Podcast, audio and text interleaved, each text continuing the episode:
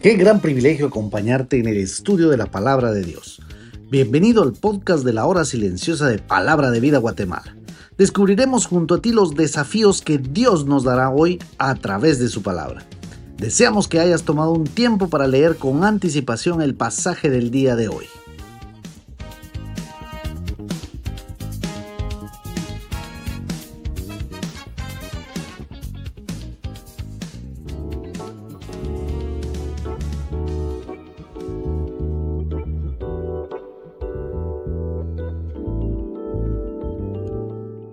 Muy buenos días, qué privilegio nuevamente encontrarme con ustedes y estudiar juntos la palabra de Dios.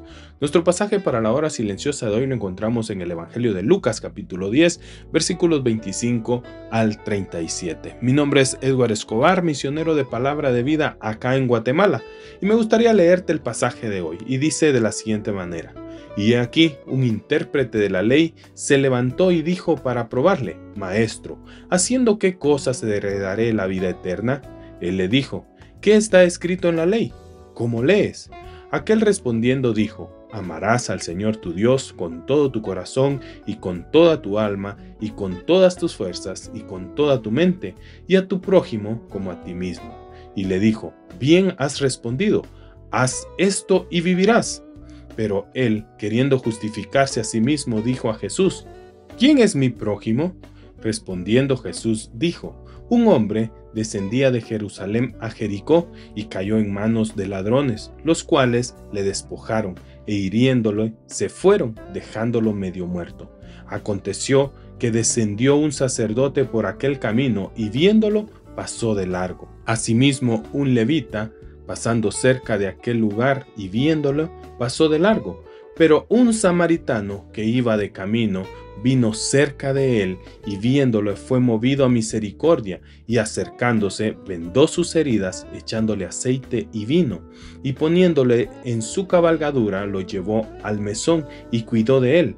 Otro día al partir sacó dos denarios y los dio al mesonero y dijo, cuídamele y todo lo que gastes de más yo te lo pagaré cuando regrese. ¿Quién pues de estos tres ¿Te parece que fue el prójimo del que cayó en manos de los ladrones?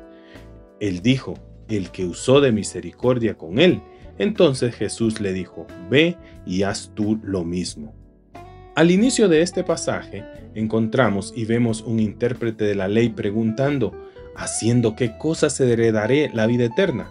La vida eterna es una cualidad particular de la vida que viene de Dios y podemos tenerla ahora mismo y pregunta, ¿qué está escrito en la ley? La primera parte parecía un poco sarcástica. ¿Qué dice la ley? En otras palabras, tú eres el que interpreta la ley, dime lo que dice. Y él responde, amarás al Señor tu Dios con todo tu corazón y con toda tu alma y con todas tus fuerzas y con toda tu mente y a tu prójimo como a ti mismo. El intérprete fue lo suficientemente sabio para saber que esta era la esencia de la ley. Conociendo los requisitos de la ley, ahora lo único que tenía que hacer era vivirla. Es bastante claro lo que significa amar a Dios con todo lo que somos, aunque es difícil hacerlo por completo, pero han habido muchas confusiones sobre lo que significa amar a tu prójimo como a ti mismo. Esto no significa que debemos amarnos a nosotros mismos antes que debamos amar a alguien más. Significa que de la misma forma en que nos cuidamos y nos preocupamos por nuestros propios intereses, debemos cuidar y preocuparnos por los intereses de los demás.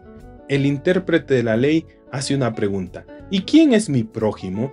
Su primer y quizá el mayor error fue asumir que había cumplido el primer mandamiento cuando realmente consideramos lo que significan las palabras, ¿quién de nosotros ha amado a Dios con todo tu corazón, con toda tu alma, con todas tus fuerzas y con toda tu mente?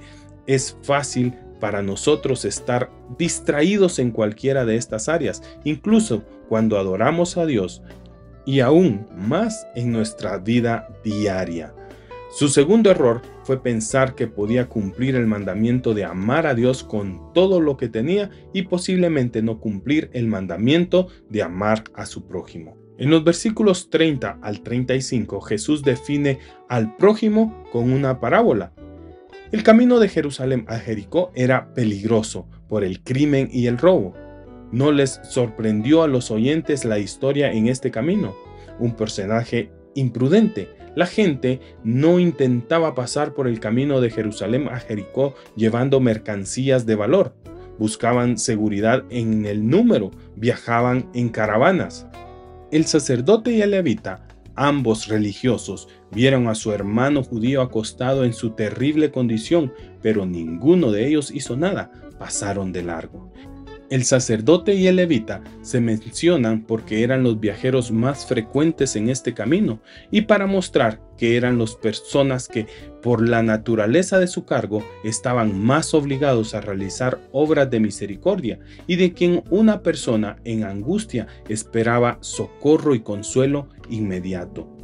En términos generales, los judíos y los samaritanos se despreciaban entre sí, tanto racialmente como religiosamente. La cultura le dio al samaritano muchas razones para odiar a este hombre judío y pasar sin ayudarle. En lugar de pasar, el samaritano lo amó sacrificalmente. Ver la necesidad justo enfrente de él fue suficiente para hacer algo. También dio libremente de su tiempo y sus recursos. Por último, los versículos 36 y 37, Jesús aplica la parábola y dice, ¿quién pues de estos tres te parece que fue el prójimo? El sacerdote y el levita eran prójimos del hombre que había sido golpeado y robado, pero no actuaron como prójimo. El intérprete de la ley sabía quién era el verdadero prójimo, sin embargo, no se atrevía a decir el nombre de samaritano. Podríamos haber esperado que fuera un enemigo, pero en cambio era un vecino que usó de misericordia con él. Obviamente el intérprete sabía que ya no podía justificarse, no tenía este tipo de amor que iba más allá de lo que quería pensar como prójimo. Y luego por último le dice, ve y haz tú lo mismo. Jesús permitió que la parábola respondiera a la pregunta del intérprete y guiara la aplicación. Debo amar a mi prójimo y mi prójimo es el que otros podrían considerar como mi enemigo. Mi prójimo es el que está justo enfrente de mí con una necesidad. Por eso, vívelo. Hoy te invito que puedas estar atento para lo que está delante de ti, fijándote tanto en las necesidades sociales como espirituales. El mundo sería un lugar diferente si cada cristiano se ocupara de las penas que hay delante de él y supliera por lo menos una.